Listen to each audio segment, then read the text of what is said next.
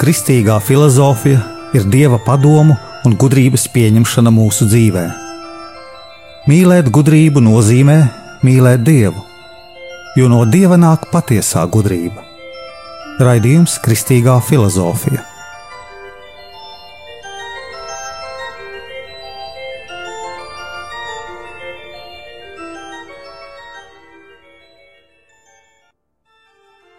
Es esmu Jānis Valtra Vitsenheims, un ar jums ir 23. raidījums Kristīgajā filozofijā. Katrs cilvēks var atrast Dievu un saprast Jēzu Kristu, kas mums parāda patieso ceļu pie Dieva radītāja.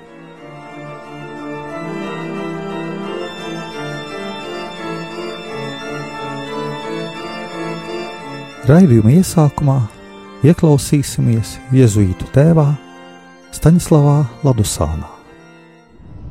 Reflektējot, ir jāsaka, ka ir nenoliedzams fakts, ka cilvēks arī mūsu dienās realistiski prātojot, iegūst drošu pārliecību, ka ir visaugstākā būtne, ko saucam par Dievu. Summa teoloģija, teoloģija summa, Svētais Akvinas Toms šī darbā tūlīt sākumā runā par pieciem prātā ceļiem uz Dievu. Un vienā lapusē, mazāk nekā vienā lapusē, viņš katreiz pēc šī ceļojuma, meklējuma slēdz. Un to mēs saucam par Dievu. Tas nozīmē atrod pirmo nekustamo kustinātāju, kuriem motoriem immobiliem, un tas sauc par tā saukto, viņš saka, ko visi sauc par Dievu.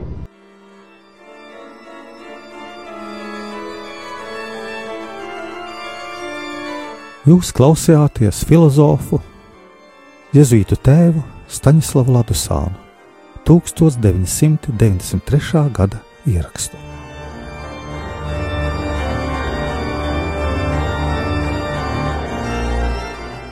Katrs cilvēks var atrast dievu, ja vien viņš to vēlas.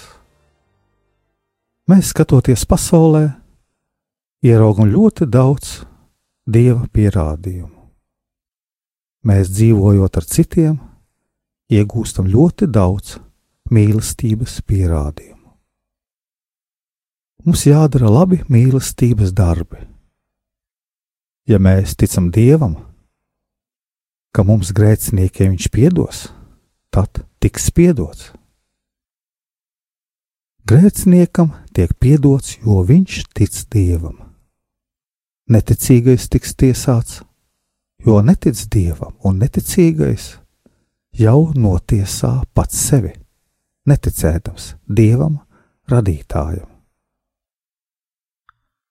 Jēzus ir mūsu dzīvības maisa. Viņa vārds mūs baro, un arī svētā komunija. Mūsu ticība pieprasa pieņemt Jēzus miesu un asinis. Mēs pieņemam Kristus miesu un asinis. Mūsos tā tad rit Kristus asinis. Mums jācenšas dzīvot, kā Viņš dzīvoja šajā pasaulē. Kas mīl citu, tas ir radīts no dieva, jo dievs ir mīlestība. Mums jādalās ar šo dieva mīlestību ar citiem.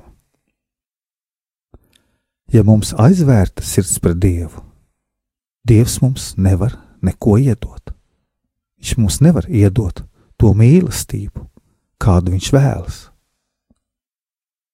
ja mēs bieži prasām Dievam daudz veselības, spēka, Dievs mums to iedos, bet kam mums mūsu spēks un veselība? Nu, piemēram, mums spēks vajadzīgs, lai varētu aizvelt akmeni. Labi, mēs aizvelsim daudz akmeņus, uzcelsim mūra māju. Kad mūra māja būs uzcelta kā mūsu pils, mēs aiziesim varbūt vēlāk uz citu pasauli. Un mūsu viss darbs būs atkal domāts citiem. Tātad mūsu spēks ir, lai palīdzētu citiem. Mūsu veselība ir, lai mēs varētu palīdzēt mūsu vecākiem, mūsu bērniem, mūsu vīram, mūsu sievai.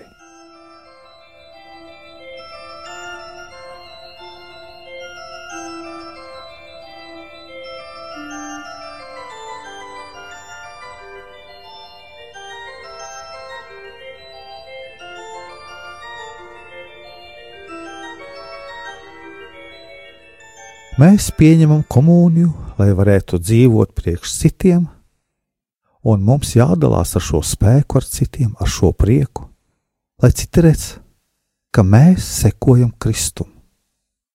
Ar savu smaidu, ar savu rokas spiedienu, ar visu savu dzīvi, cik ir mūsu spēkos. Mums ir jāsaprot, ka esam nolemti nāvei jau dzimstot un šis laiks dod dzīvei, lai pareizi sakārtotu savu tālāko dzīvi pēc nāves. Mēs sakām, mums slikti draugi, slikti darba kolēģi, palielina algu tikai par 5 eiro, slikta ziema nav sniega, bet mēs paši šos draugus izvēlējāmies, uzskatījām, ka labi. Darba kolēģi mums palīdz būt darbā, Un 5 eiro arī tā ir nauda, ko mēs varam izmantot. Mums vajag savādāk skatīties uz lietām. Slikta ziema, jo nav sniega, bet viņa ir laba, jo mēs nesalstam. Viņa ir laba, ka mēs nekrītam. Dievs mums dod gan sāpes, gan skumjas, gan ciešanas, bet tai pašā laikā mēs esam pāēduši, apģērbušies, braucam ar mašīnām un pat pietiek benzīna, iespējams arī kādam ceļojumam. Vai mums nav jābūt ne tikai pacietīgiem, bet arī pateicīgiem par visu? Kamēr mēs nelabo un nelabās domas no sava prāta neizdzenam, tikmēr pazemības mūsos nebūs. Ja bausli sākam skaidrot pēc sava prāta, tad tas vairs nebūs bauslis, bet mūsu interpretācija. Mums prātā nav ielikts vārds netiesāt. Mēs Dievam baznīcā sakām.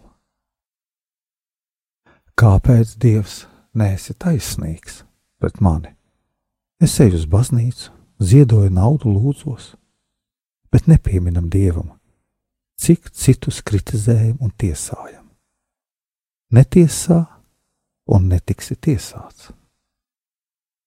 Citreiz nolamājam otru cilvēku, bet tā mēs lamājam Dievu, kurš mums šo cilvēku ir devis, lai mēs paliktu tuvāki Dievam.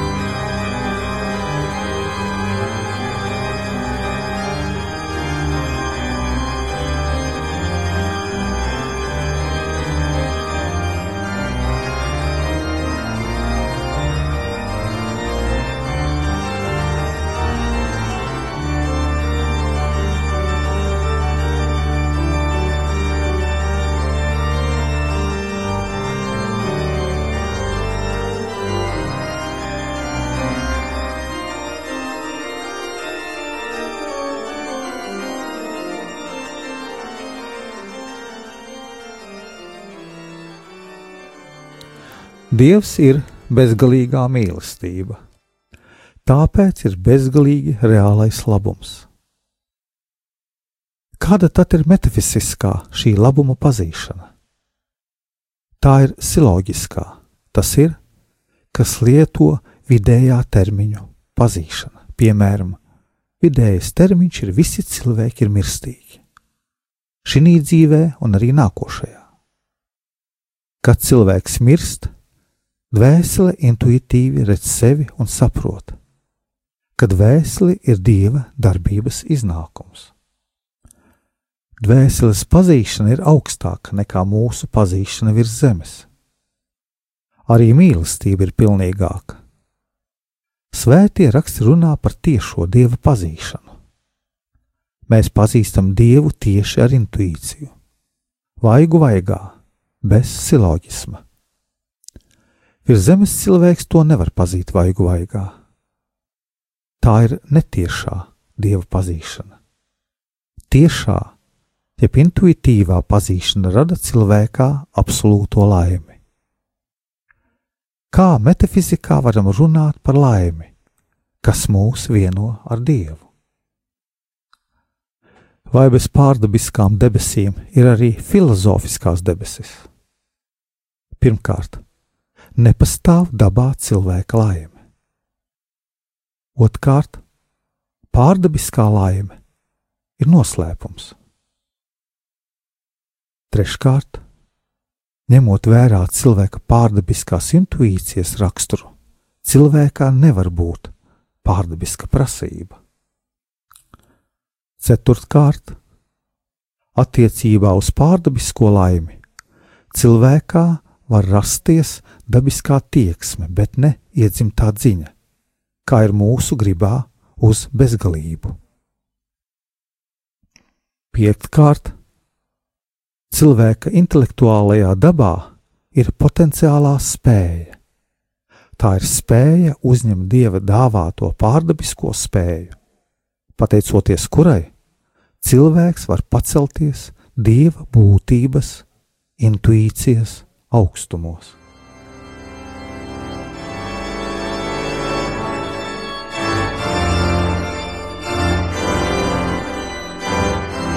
Ko mēs varam teikt par laimi kā jēdzienu filozofijā. Ko nozīmē pārdabiskā laime debesīs? Kur ir tīri dabiskā laime? Pilnīgā laime ir pēc nāves. Pēc nāves dvēseles pazīst Dievu, kontemplējot un balstoties ne uz šīs pasaules materiālajām vērtībām, bet intuīcijas ceļā pazīst sevi un citas dvēseles, un tā pazīst Dievu ļoti dziļā veidā, kas pārspēj mūsu pazīšanu uz pasaules. Vai dvēselisko laimi varam nosaukt par pilnīgo laimi? Ja to salīdzinām ar pārdabisko laimi, tad tā dabiskā laime, kas mums ir uz šīs pasaules, ir milzīga nabadzība. Bet, ja tā dabiskā laime, salīdzinot ar pārdabisko laimi, ir maza, tomēr paliek laime, un savā veidā viņa ir pilnīga laime šeit virs zemes, bet ne debesu laime, bet pilnīga dabiskā īstenībā, kurā mēs eksistējam.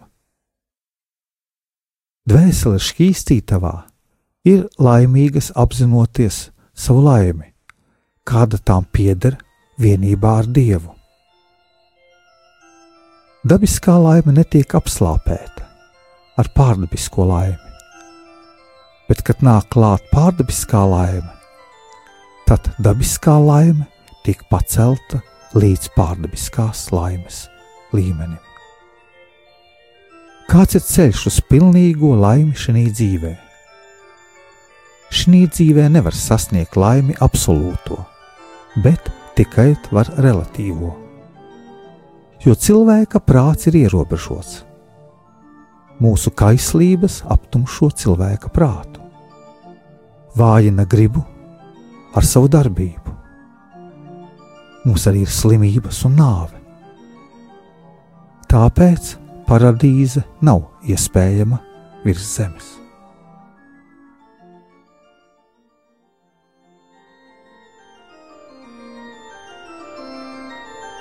Izskanēja raidījums Kristīgā filozofija. Jūsu prātam, jūsu sirdī, jūsu dzīvēm.